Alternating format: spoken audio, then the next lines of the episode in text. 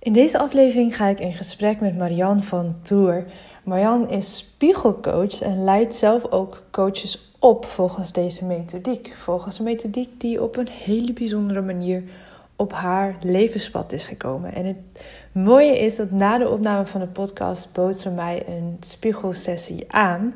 En een week later ongeveer heb ik zelf haar coaching mogen ervaren. Dat was een hele mooie, bijzondere ervaring.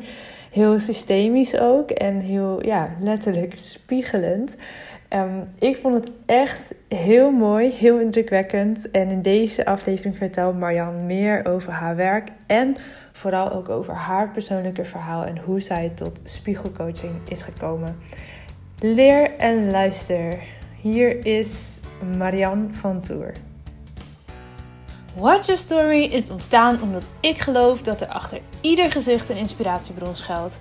In deze podcast interview ik Jan en Alleman, de girl next door, bekend en onbekend over hun persoonlijke en businessverhalen. Veel plezier met luisteren! Marjan, welkom in de podcast. Wat fijn dat je er bent vandaag. Ja, ik vind het ook heel leuk.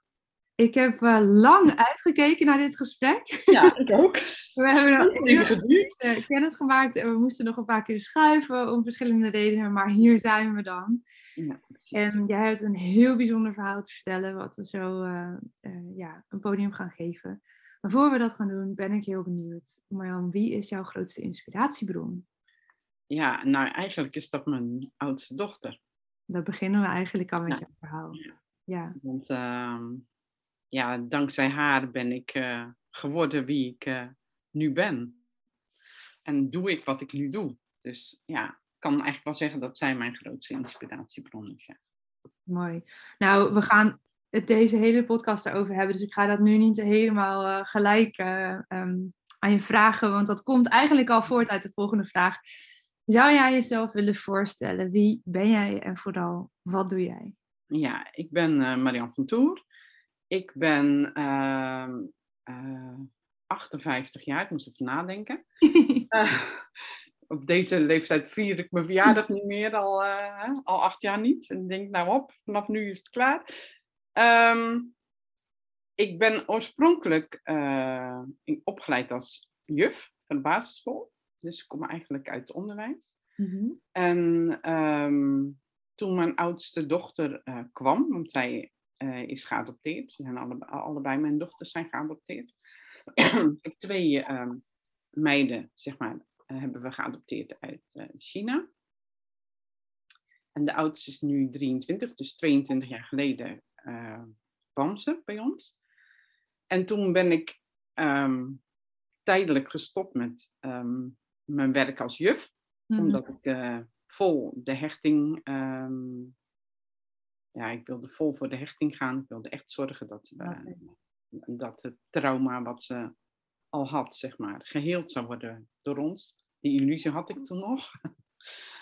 um, en um, ja, ik heb daarna nog wel wat gewerkt als juf, als invalkracht, zeg maar. Maar het was altijd uh, minimaal, niet meer uh, zoals ik daarvoor fulltime werkte.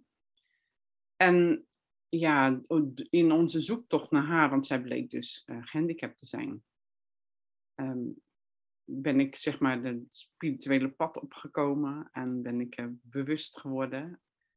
En ben ik allerlei cursussen en trainingen gaan doen om haar te helpen, maar eigenlijk hielp ik daarmee natuurlijk mezelf.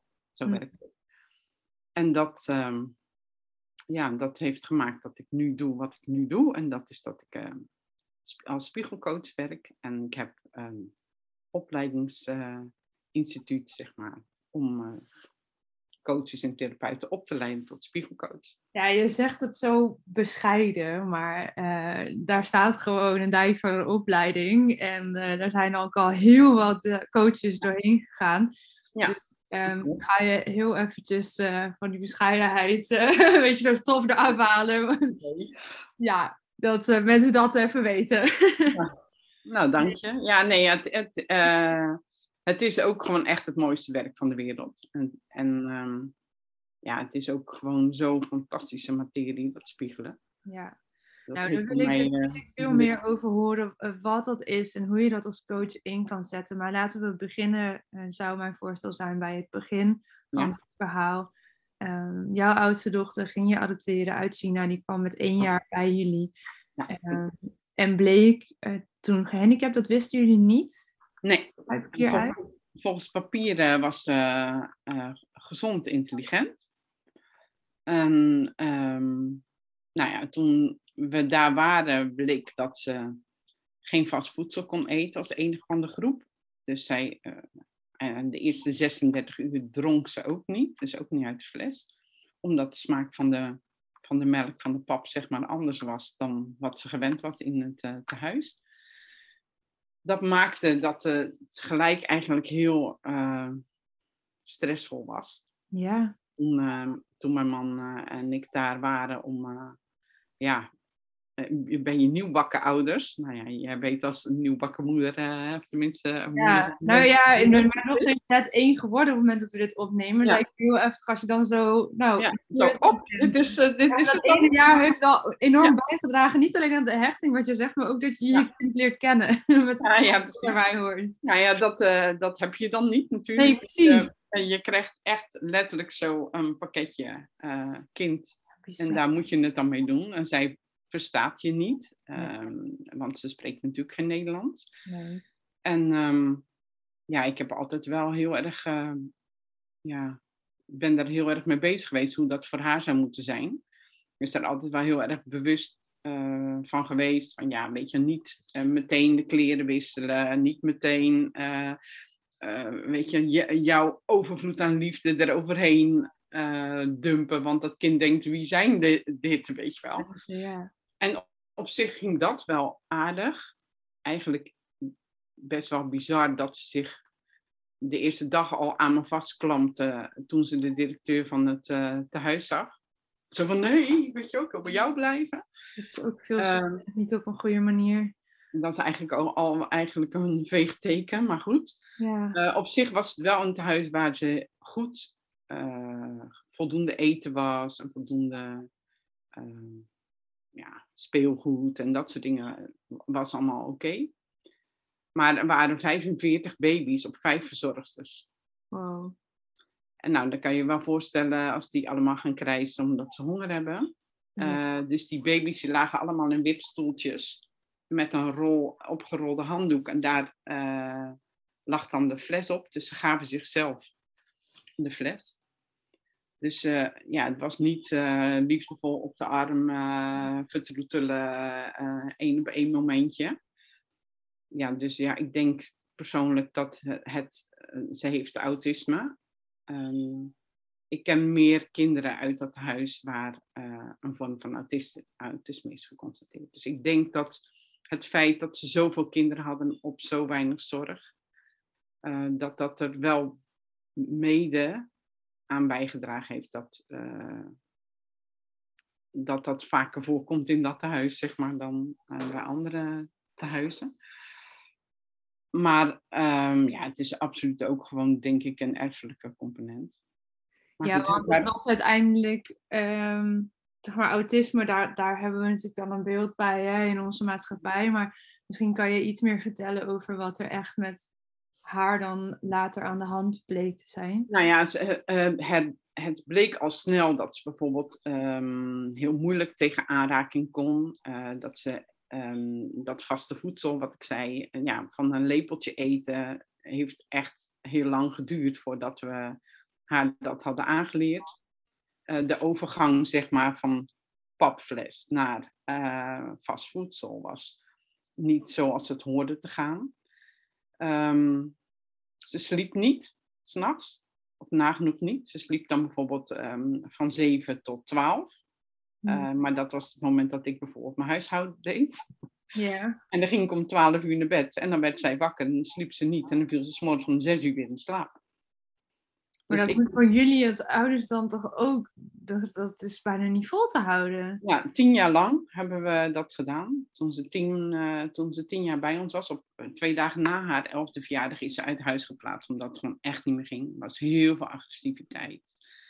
Ehm, Ze kan niet praten, dus zij kan niet uh, met woorden vertellen wat er aan de hand is. Dus je moest leren om uh, signalen op een andere manier te pakken, zeg Ja. maar. Dus nou, dan komen de mensen op je pad eh, die je daarin de weg wijzen. Dat is gewoon, het is bizar hoe het werkt, maar zo werkt het. Hè, dus Wat mijn haar eh, ja, ontwikkelingsleeftijd, noem je dat volgens mij? an- ja, anderhalf jaar. Ja, precies. Ja, dus dat even voor de mensen die luisteren om Ja. te schetsen dat, nou ja, autisme, hoe we dat kennen en wat er met... zij heeft klassiek, klassiek autisme, dus echt de zwaarste vorm. Ja, En dan eh, had ze ook heel veel last van psychoses. eh, en ze heeft heel veel last van dwanghandelingen.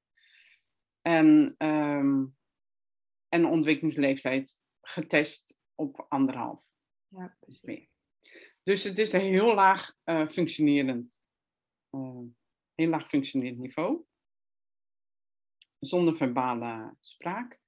Nou ja, toen kwam een vriendin op mijn pad die eh, kinderfysiotherapeut is en gespecialiseerd is in sensorische eh, integratieproblematiek. Dus die bracht ons eh, een- op die weg van, joh, probeer dit eens. En nou, zo zijn we van therapie naar therapie en sommige therapieën eh, meerdere door elkaar. ehm, om haar zo goed mogelijk te helpen. Ja, Want ja, het was inderdaad intens. Het was heel intens. En ehm, ja, ook voor mijn man was het toen heel intens. Want hij, eh, hij had ook ehm, zijn werk ernaast. Ik was natuurlijk gestopt met werken in eerste, eh, vanuit de eerste gedachte. Nou, stop ik een jaartje en dan ja, precies. ga ik Dan daarna weer aan de slag. Ja ja, eerst even die hechting goed eh, hebben, want eh, ik ga niet eh, een kind adopteren en dan eh er gelijk in een eh, kinderdagverblijf stoppen. Dat eh, leek me niet zo'n goed plan. Nee. Dus ja, het liep allemaal iets anders. Ja, En hij, eh, hij werkte vijf dagen in de week. En dan kwam thuis en dan, dan moest hij gelijk aan de bak. Dus was stropdas af, ja, eh, koffer aan de kant en hij moest instappen. Want ik had de hele dag geen seconde rust gehad. nee, En ik moest s'nachts weer. Dus dan kon ik huishouden Ja, doen. wat ik zo bijzonder vind, ik ben benieuwd hè, eh, naar het verhaal daarachter, is dat jullie dus wel besloten hebben om nog een tweede eh meid Ja. uit China te adopteren. Je zou denken als je dit zo hoort van, nou, laten we dat maar niet doen. En toch Nee. jullie dat eh, wel Ja. gedaan. Daar zit vast een gedachte achter. Nou, ik moet eerlijk zeggen, dat was mijn man. Die heel graag een tweede wilde. En ik eh, moet eerlijk zeggen dat eh, dit al zo intens was voor mij. Dat ik eh, eigenlijk wel een poosje langer over nagedacht heb dan, dan hij. Ehm, en ik heb toen ook gezegd tegen de organisatie die ons daarin begeleidde. Als er iets mee is, neem ik er niet mee naar huis. Dus zo Ja. van... dan- Keihard, maar ook kei eerlijk eigenlijk. ja, Dat omdat dat gewoon niet te, dat gewoon niet te doen Nee. zou zijn geweest. Ehm, maar goed, de tweede was eh, gezond. Maar die had wel weer een fysieke achterstand. Dus de eerste was die, eh, Janneke, de oudste, die liep al aan de hand met 13 maanden toen ze kwam. En de jongste, Heiline, kon nog niet zitten met 13 maanden. Die was alleen maar op de arm geweest. Ja, En eh, als de fles ehm, op de grond viel, dan zei ze, "Ah!" Weet je wel? En dan moest ik dus op geraapt. Die was gewoon, dat was gewoon de, de keizerin van het tehuis, weet je. Het was altijd op de arm en iedereen was stapelgek op haar. Dus bij haar was de hechting eh, prima in orde. Want die had heel veel liefde gehad, heel veel aandacht, heel veel eh, eh, knuffels, ehm, heel veel zorg. Maar niet veel voeding, want het huis was heel arm. Dus die, die was gewoon echt aansterken om... die was echt ondervoed. Die is 20 centimeter gegroeid in het eerste jaar. Jeetje. Ja. Ja, bizar was dat. Maar dus ja, waar gegaan, hè? want het gaat natuurlijk in dit verhaal vooral om jouw oudste dochter. Ik weet ook niet wat je over je jongste überhaupt wil vertellen hoor. Ik snap het ook als je dat een beetje buiten beeld wil laten. Maar eh, met haar gaat het goed? gaat heel goed. Doet HBO. ehm heeft een vriend. ehm, een paard. Heel druk. eh, met eh, stage, werken en ehm, en vrienden. En ja, nee, gaat heel goed. Ja. Lijkt me toch ergens ook fijn dat hoe mooi het ook is om voor je oudste dochter dit te kunnen doen. Hè? Dat, dat je ook het kan ervaren hoe nou ja, een kind dus volwassen wordt. Ja, prachtig. Dat klinkt misschien gek, maar zo, zoals je het had bedacht of zo eigenlijk. Want ja, zeker.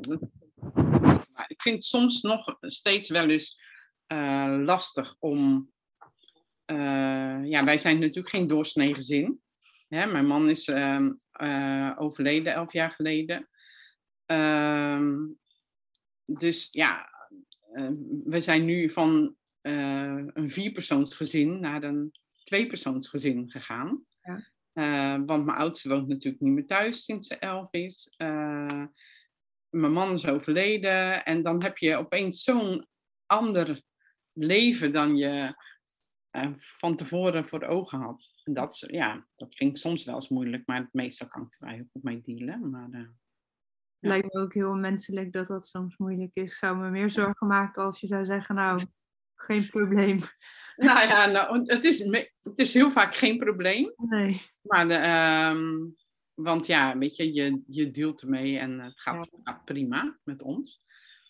Maar ja, soms is het ook wel, uh, als je met kerstfeest bijvoorbeeld uh, gezellig uh, met familie bent, dan, dan zit ik daar in mijn eentje en mijn, mijn dochter, weet je wel, dan zit mijn broer met zijn vrouw en grote gezinnen en weet je, ja, dat voelt wel soms wel eens een beetje dubbel. Ja, ik kan me voorstellen. Ja, en het verhaal uh, van jouw man, je stipt het al even aan dat hij is overleden. Dat, ehm, ja, dat is eigenlijk ook wel een bizar verhaal. Jij hebt mij dat natuurlijk vooraf een beetje verteld. Mhm. Ehm, in relatie ook met jouw oudste dochter. Wil je ons eens meenemen in die periode?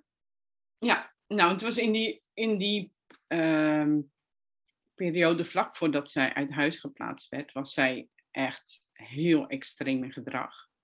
En wij hadden een thuisteam, zeg maar een, een groep, ja, meest studenten, die bij ons dan uh, als bijbaantje uh, met mijn oudste dochter werkte. Dus die uh, draaiden een thuisprogramma om haar te stimuleren in haar ontwikkeling. En de een na de ander kon het niet meer volhouden omdat het zo extreem was. En wij hebben achteraf gezien uh, was dat jeugdige overmoed. Maar we hebben toen ook besloten om ons huis te verbouwen en er een verdieping op te zetten. En we hebben toen uh, uh, drie maanden op de benedenverdieping geleefd. Dus daar hadden we twee stapelbedden en ehm, daar stond de douche in de keuken. En dat was dus, ja, eh, in plaats van een twee, tweeënhalve verdieping hadden we nog maar één verdieping. Daar mhm. gebeurde alles. Ja. Maar ja, dan was morgen, S morgens om zeven uur kwamen die werkmannen en ja, dat was altijd herrie. Ja. Dus mijn dochter die ging eigenlijk normaal half dagen naar een zet elkaar school en dan uh, smiddags hadden we dat thuisprogramma. Alleen dat ging toen niet, want thuis was te veel onrust en te veel herrie. Dus ging ze hele dagen naar school, maar die prikkels waren eigenlijk voor haar. Dus qua gedrag ging toen, uh, ja, ging het eigenlijk mis. En uh, ze heeft in die periode, nou het laatste jaar denk ik, trok ze steeds de bril van mijn man zijn hoofd af. Dus elke keer uh, was de bril af, uh, of ze brak hem door, of ze gooide hem gewoon af. Ze pakte ze hem zo beter op en dan rukte ze die bril. Dus hij ging elke week wel een keer naar de opticien en zei: Ja, kun je me even fatsoeneren? Want dus die man zei, ja, er is niks tegen bestand, weet je wel. Dus hij had al op een gegeven moment een titaniumflex uh, bril die, dan, die je dan officieel kon buigen en zo. Maar... En um, ik was toen al bezig met spiegelen. Dus ik zei tegen hem van ja, ze wil je er iets mee vertellen, weet je. En als ze het weten, zo werkt het spiegelen. Op het moment dat je uh, weet wat, uh, wat de boodschap is, dan verandert dat gedrag. Dus dan doet ze het niet meer. Dus ik zei tegen hem van ja, wat denk jij dat ze ermee wil zeggen? En hij zei ja, ze vraagt gewoon om aandacht. En ik dacht, ik heb het gevoel dat je ergens naar moet kijken. Maar niet door een bril, maar gewoon ja. hè, naar binnen toegericht. Dus we zaten daar over te brainstormen. En ja, hij had natuurlijk gelijk. Want wat hij zei met die boodschap. ehm, je moet ergens naar. eh, Hè, ze vraagt om aandacht. Daarmee zei hij: Ik vraag om aandacht. En hij kreeg natuurlijk te weinig aandacht als man zijnde. Want ja, ik was eh, bijna fulltime met mijn dochter bezig. En vooral ook de nachten. Dus eh, het eh, koppel zijn was. ze waren in de ijskast gezet, zeg maar. Ja. Dus ja, dat klopte ook. Dus ja, goed, dan doe je je best om daar wat meer tijd voor vrij te maken. Maar goed, ik, wat ik zei, je moet ergens naar kijken. Daar, daarvan zei hij, ja, maar dat doe ik toch, want hij was ook bezig met persoonlijke ontwikkeling. Nou, op een gegeven moment ging het dus mis met mijn dochter thuis. Het ging gewoon echt niet meer. En toen hebben we moeten besluiten om haar in de crisisopvang uit huis te laten plaatsen.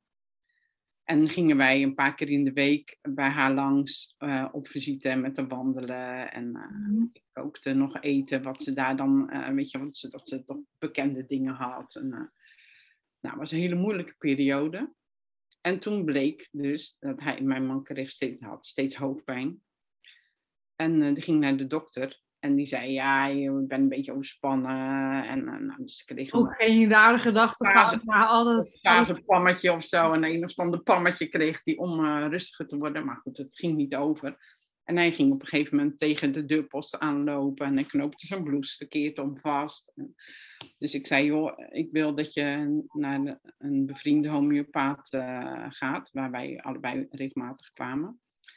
En die eh, was gewoon ook vroeger huisarts geweest. Dus die onderzocht hem en die zei, ja, maar dit is niks, heeft niks met overspannenheid te maken. Ik wil dat je morgen bij de neuroloog bent, want dit is niet oké. En ik ga de huisarts bellen, die kende hij ook toevallig. Hij zegt, want ik, ik, eh, je moet echt een doorverwijzing naar het ziekenhuis. En dat moet hij regelen, dat mag ik niet doen. Nou, de volgende dag zaten we in het ziekenhuis en bleek hij dus een tumor in zijn hoofd te hebben. En die was niet eh, operabel. En toen gaven ze dus de, ja, de diagnose, zeg maar. Ja, je moet eerder denken aan weken dan aan maanden. Bizar. En op het moment dat wij dat wisten, en we kwamen bij mijn dochter langs, omdat, eh, nou, van, eh, om bij haar te zijn, heeft ze het niet meer gedaan. Nee, nooit meer de pil afgetrokken. Bizar. Nee, Dus ja, de, eh, dat klopte ook, snap je? Je moet Ja, echt ja, kijken, wie is ja. aan de hand? Ehm, zij, zij heeft dat gewoon voorvoeld of geweten, maar kon dat niet uit omdat ze niet kan praten. En dat is wat spiegelen doet, snap je? Je gaat op zo'n andere manier kijken naar dingen. Je kijkt naar dat als reflectie van wat er bij jou van binnen zit. En dan, ja, en dat heb ik met haar zoveel meegemaakt. Ja. Dat als je dan Hoe, maar hoe was die periode voor jou? Kijk, dat is misschien een beetje een vraag naar de bekende weg, maar hoe heb jij dat in hemelsnaam opgepakt met je dochter van wie je zoveel houdt uit huis geplaatst omdat het echt niet meer ging? En binnen no time krijg je eigenlijk te horen, nou ja, en over een paar weken ben je ook je man kwijt. En Ja. je hebt net je huis verbouwd, je hebt nog een dochter voor wie je er moet zijn en, en je moet er voor jezelf nog ergens zijn. Ehm, Ja, er was, in hemelsnaam die periode ben je die doorgekomen? Het was mega intens, maar ook mega mooi. Het klinkt heel cru, eh, raar misschien. Maar ehm, ik weet nog dat, ehm, eh, dat mijn man, eh, wij gingen samen mediteren s'avonds. En toen was net, zeg maar, hadden we net die boodschap gekregen dat, ja, dat hij ehm, eh, ziek was en dat het, ja, het ziekenhuis zei, zeg maar, eh, ja, je moet rekenen op, eh, op weken en niet op maanden. Uiteindelijk is het negen maanden geworden. Dus het- Oh, we hebben nog bijna een jaar eh, kunnen rekken. En toen waren we aan het mediteren en toen ehm, zagen we allebei dat mijn oudste, die kwam in, in onze meditatie. En hij zag het en ik zag het. En hij, eh, ze, ze zei, papa je hoeft niet bang te zijn. Ehm, ik wijs je de weg wel, want ik weet de weg. Wauw. En kippenvel. Ja, nou, het, eh, het, het, is nog, eh, het is nog mooier.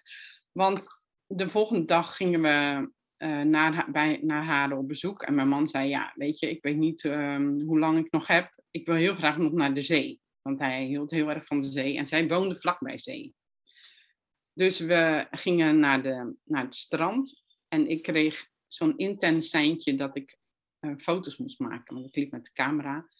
En hij liep met haar aan de hand naar de zee. En zij is, uh, zeg maar, heeft hem naar de, naar de zee gebracht. En hij stond daar echt een beetje zo heel mager, verloren. En zij draait zich om en komt naar mij teruglopen. En halverwege staat ze even stil en kijkt ze terug naar hem. En ik heb dat helemaal op foto. En dat, uh, ik heb altijd gevoeld dat zij hier eigenlijk niet wilde zijn, hè, op aarde. Dat ze eigenlijk zoiets had van, nou, als ik de kans krijg, dan stap ik eruit. En op dat moment liet zij mij weten, ik kies voor het leven. Ik kom, ik kom naar jou, ik ga niet met hem mee. Snap je? Dus ik heb altijd, ik heb ook heel vaak dromen gehad dat ze van een klif afsprong of voor de bus sprong. En dat ik altijd het gevoel had van ik wil niet leven, ik wil hier niet zijn. En op dat moment, van op dat moment is dat gekeerd. En heeft zij zeg maar hem weggebracht, maar toch gekozen voor om terug te komen voor het leven. En vanaf dat moment heb ik nooit meer bij haar het gevoel gehad dat ze niet meer wilde. Wauw. En daar heb ik dus helemaal op foto.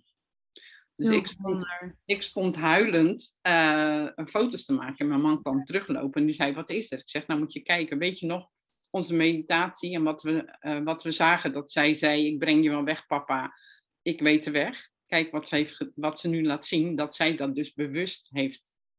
Uh, dus wij zeiden dat ook tegen haar en toen knikte ze ja. Weet je, en, en ook al, ik heb dus echt moeten leren communiceren zonder woorden. Ja.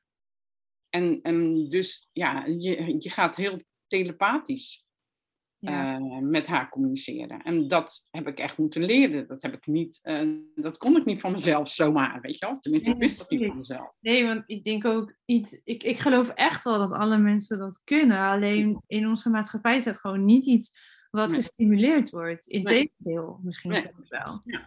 Ja, en, da, en dat maakt, zeg maar, dat, ja, dat zij mijn grootste inspiratiebron is. Ja, Want ja, is nee. haar, snap je? Hoe Helemaal. mega zwaar. Nog steeds, hè? Ik Ja. bedoel, er zijn, het is nog steeds... ehm, ze komt e- elke weekend een dag thuis. En eh, serieus, ik kan soms janken als ik het terugbreng. Zo, zo heftig was het. Zo intens. Maar goed, ik ga dan weer... eh, dat gevoel mag er zijn van... Ik weet niet meer hoe. Ik weet niet meer hoe. Weet je wel? Zo. En eh, daarna ga ik dan spiegelen en ga ik kijken, oké, maar wat wil ze me hier nu eigenlijk mee vertellen? Ja. Wat moet er nu gebeuren? Wat moet er gebeuren voor haar en wat zegt het over mij? Wat moet er dus eigenlijk met mij gebeuren? Dus zo ontzettend waardevol als je dat, dat kan met haar. Ik vind het ook zo bijzonder hoe jij met zoveel respect en geduld proef ik gewoon in hoe jij daarover vertelt. Want wat je ook zegt, ja, op een gegeven moment ging het dus echt niet meer. Dan moest je die keuze maken. Maar Ja, Ja, vooral ja. voor mijn jongste, hè? want ehm, zij was zoveel agressief dat we haar heel veel moesten holden, zeg maar. Dus heel veel moesten fixeren. Omdat dan, ik liep altijd met kooltruien, omdat ik helemaal om de, de krabben, bijtwonden eh, zat, weet je. Dus ja, je wil niet dat iedereen dat ziet. En dan liepen we weer met een blauw oog en dan, dan had je weer een kopstoot gekregen. En weet je, en die jongste die wilde niet meer spelen bij vriendjes, want die, die moest ons in de gaten houden voor haar gevoel. Weet je? En op het moment dat je dan voelt dat je kind zo eh, op de qui-vive is, terwijl haar zus deed altijd alleen maar, is, is altijd zo geweest. Ook met de medebewoners is ze nooit agressief. Ze is alleen maar agressief naar leiding. Ja. Dus naar ons. En alleen maar functioneel. Snap je? Dus die, er is iets aan de hand. Jij moet mij eh, helpen. Jij moet de situatie veranderen. Jij moet zien dat het anders moet. Dus nooit, het is niet agressief omdat ze agressief is van binnen. Het is agressief omdat, omdat de ander moet begrijpen dat er iets moet veranderen. Ja. ja, wat super moeilijk is. Want ja, wat moet er veranderen? Ja, ja ik snap hem. En, en dat is, hè, en dat, hè, wat ik in het voorgesprek natuurlijk ook tegen je zei. Ja, zo'n bril aftrekken, wat voor mijn man dan betekent eh, je moest naar binnen kijken of eh, ik wil aandacht. Eh, hè, dat vertelde ik toen tegen je. Bij mij ging trok ze twee jaar geleden opeens ook elke keer mijn bril Ja, je moet je kapot geschrokken zijn. Ik schrok me kapot. Want ik dacht, shit, weet je wel, ben ik nu ook ziek? Moet ik naar de dokter? Wat is er aan de hand? En dan ga je inderdaad bij jezelf naar binnen, ga je voelen, en, nou, ja, wat wil ze me nou vertellen? En het heeft wel een poosje geduurd voordat ik erachter was. Maar bij mij wilde ze zeggen, mam, eh, je moet het hier nu zijn. Dus je hoeft niet vooruit te kijken. Ik liep heel vaak te bedenken, oké, wat moet ik vanmiddag bij, voor boodschappen halen? Wat eh, staat er Mhm. vanmorgen op mijn, eh, op mijn programma? En het moment dat ik besefte van, oh, eh, ik moet gewoon in het hier en nu zijn en er gewoon helemaal, helemaal zijn, Ja. toen was het klaar. Toen deed het niet meer. Nou, gelukkig maar dat dat de boodschap was en niet eh soortgelijk als met je man. Maar ja, dat, is, dat is wat ik bedoel. Soms is het moeilijk om uit te vinden ja, wat, wat de spiegel dan is. zeg ja, maar. wat het dan precies is. Maar als je hem weet, dan eh, helpt het wel. Die is verduidelijk. Nee. Nou, wat, wat ik denk mooi vind, is om dan hier nog even eh, de stap te maken naar wat jij nu bent gaan doen in jouw onderneming. Want als mensen dit nu horen en denken, goh, dit, dit is iets, ik zou dat willen leren, of hè, ik wil dat met mijn eh, cliënten, of misschien heb je zelf een familielid die, ehm, nou ja, er daarbij gebaat zou zijn. Eh, als mensen hier meer over willen leren, eh, kunnen ze bij jou terecht. Maar kan je ons misschien eerst nog iets meer vertellen over hoe dat ontstaan is, wat jij nu doet, die prachtige opleiding die je hebt? Ehm, ja, nou, ik, ik moest dus om Janneke te begrijpen op een andere manier naar haar gaan kijken. Dus weet je, ze had bijvoorbeeld eh, heel veel last van bloedneuzen. En ehm, dan zeiden de mensen om me heen van, joh, eh, je moet even een adertje dicht laten branden, weet je wel. En ik dacht, nee, volgens mij wil ze er iets mee vertellen. En dan is er, zijn er boeken over van, wat is de psychologische achtergrond van ziektes. Ja, die grote Ja, die Bijbel. toch? Bijbel, inderdaad. Ja. Ik, ik zocht dat dan op en dan keek ik, wat, wat betekent die bloedneuzen? Nou, een beetje kort gezegd, eh, wat ik daar toen uit opmaakte was, je voelt je onbegrepen. Dus ik las dat stuk voor, terwijl zij een verstandelijk vermogen heeft van een anderhalfjarige. Best wel moeilijke taal. Ik las dat voor. Ik zei, eh, oh, ja, ik snap dat je je onbegrepen voelt, maar weet je, je snapt dat ik, eh, ik hoop dat je begrijpt dat ik mijn best doe, weet je. En ik ga er nog meer mijn best voor doen om, eh, om, om te snappen wat er met jou aan de hand is en wat je wil. Dus ik ging meer in gesprek met haar. Dus bedoel je dit? Bedoel je dat? Weet je wel? Is dit oké? Is dat oké? En de bloedneuzen waren over. Vanaf dat moment dat ik die tekst had voorgelezen en ik dus snapte dat zij zich onbegrepen voelde, had ze geen bloedneuzen meer. Ja. Dus ja, ik vind dat zo. Ik wou zeggen, het is bizar, maar het is ook zo, zo begrijpelijk en zo mooi. Ik, ik geloof hier namelijk heel erg in. Ik heb zelf natuurlijk vaak nog in, in podcast mijn verhaal verteld van het helemaal loskomen van mijn reuma en alle klachten die daarbij horen. Ehm, ik geloof echt dat dat kan. En ja, ik vind dat met sommige dingen heel ingewikkeld als je het hebt hè, over nou, de tumor van, van jouw man, ja, eh, wat, wat daar dan de boodschap achter is. En, had dat dan voorkomen kunnen worden? Nou, laatst zag ik een hele aflevering, misschien heb je het gezien, eh, bij Boos van Tim Hofman. eh, daarover, over een, een ehm, ja, ze noemde zichzelf volgens mij therapeuten, maar die daar gewoon echt, oh, het was tenenkrommend. Ik dacht echt, oh nee, dit is precies niet wat we daarmee bedoelen als we het daarover hebben. Ehm, maar als je het hebt over onschuldigere dingen als bloedneuzen, dan ja, dat daar zo'n boodschap achter kan zitten waar je, als je het puur medisch bekijkt, helemaal nooit aan zou denken. Nee. Dat is Ja, en- mooi. En, en het versterkt elkaar. En ik wil echt benadrukken dat wat er in die aflevering te zien was, dat wij nooit zullen zeggen, ga niet naar een arts als je zoiets... eh, Nee, nee, nee, absoluut niet. Kijk, ik zeg ook altijd, eh, bijvoorbeeld als mensen, eh, je kind is bijvoorbeeld een mega spiegel. Maar ja, je vader is een spiegel, je moeder is een spiegel. Mhm. Weet je, alles is om je heen is een spiegel. Maar als jouw kind eh, last van oorontsteking heeft, ga dan naar de eh, dokter en eh, weet je, laat er naar kijken of doe er wat aan. Geef je kind de zorg die het nodig heeft, maar kijk En ook. laat er ook nog even door de boek.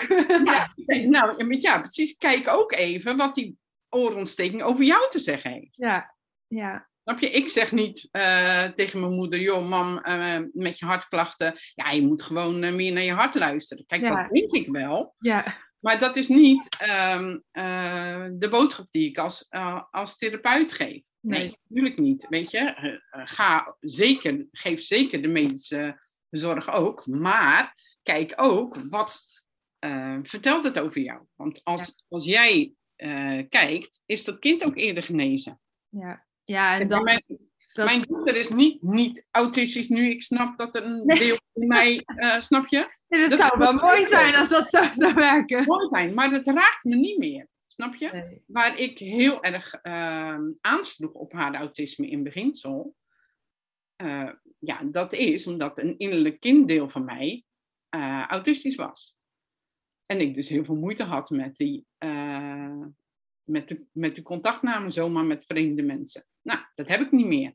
Nee, mooi. Snap je? Dus die stukken kun je wel degelijk helen in jezelf. Ik wil niet zeggen dat de aandoening dan, aandoening dan weggaat. Maar op het moment dat het niet, niet weggaat, heb je in ieder geval geen last meer van. Nee. Het dat is met spiegelen. Of het, of het gedrag van de ander verdwijnt. Die gaat gewoon iets anders doen, maar jij zendt iets anders uit. Of je hebt er geen last meer van. Maar het verandert sowieso. Ja. Ja. En in jouw opleiding ehm, leid je dus coaches op, maar niet alleen maar uitsluitend coaches, toch? Nee, eh, coaches, therapeuten, maar er zijn ook mensen die nog geen coach of therapeut zijn. En die dat wel heel graag willen eh, doen. Maar er zijn ook mensen bij die mijn opleiding doen gewoon voor hun eigen persoonlijke proces. Ja. ik Dus die, eh, die niet per se spiegelcoach willen worden, maar die wel heel graag hun eigen shit willen opruimen. Ja. En ehm, ja, die shit zit natuurlijk op vele lagen. Dus we doen met het spiegelen, ehm, bekijken we elk deel. Hè? De, de moederlijn, de vaderlijn, ehm, de kind, kinddelen, dus je innerlijk kindstukken, broers en zussen, collega's. ja, heel systemisch kijk je daar. heel, heel eh, het hele rattenplan, zeg maar. Tot en met dieren. En eh, ja, en dan ruim je alles op in jezelf. En dan, eh, ja, dan ben je een stuk eh, happier. En eh, weet je ook hoe je dingen op eh, kan ruimen bij jezelf. Dus er zijn mensen die het inderdaad voor zichzelf doen. Er zijn mensen die eh, inderdaad coach of therapeut zijn. En mijn m- methodiek eh, willen gebruiken om hun eh, coachvaardigheden te ver- ja, vergroten, zeg maar. Ja, ja. Hey, als er mensen luisteren en die willen er meer over weten, of die hebben wel interesse in deze opleiding, waar kunnen ze jou vinden? Eh, spiegeljewijs.nl. Nou, dat is lekker duidelijk. Lekker, eh, lekker simpel, hè? Lekker Ja. simpel. Hou ik van als, eh, vanuit mijn marketingachtergrond. Dus, Ja, precies. Ja. ja, hey, mag ik jou bedanken voor dit prachtige gesprek? ja, graag gedaan. Echt heel inspirerend. En ehm, ja, ik ben er zo van onder de indruk hoe je dat hebt gedaan al die jaren lang en nog steeds doet. En hoe je daar zoiets moois, ook business-wise, eh, voor hebt neergezet. Zodat niet alleen jij en jouw dochters hiervan profiteren, maar Ja, dat, dat, weet je, je, op een gegeven moment, dan voel je gewoon, ja, dit he- helpt niet alleen mij, maar dat helpt zoveel mensen. En dan wil je dat gewoon graag de wereld in. Prachtig. Dank je wel daarvoor en dank je wel dat je te gast wilde zijn. Ja, heel graag gedaan. Dankjewel voor het luisteren naar deze aflevering van de Lotte Gerland podcast. Ik vind het super leuk om te weten wie er luistert en vind het dan ook te gek als je dit met me deelt. Bijvoorbeeld via je Instagram stories. Tag me vooral at watchyourstory-nl zodat ik jouw bericht ook weer kan delen. Samen bereiken we zo nog veel meer mensen en kunnen we dus ook met alle verhalen nog meer impact maken. Heb je nou zelf een inspirerend verhaal dat je eigenlijk graag zou willen inzetten voor de marketing en communicatie van jouw bedrijf, maar kom je er niet helemaal lekker uit? Ga dan naar watchyourstory.nl en plan een gratis 30 minuten marketing strategie sessie. Dan gaan we dus samen naar kijken en ik kijk er enorm naar uit om je daarover te spreken.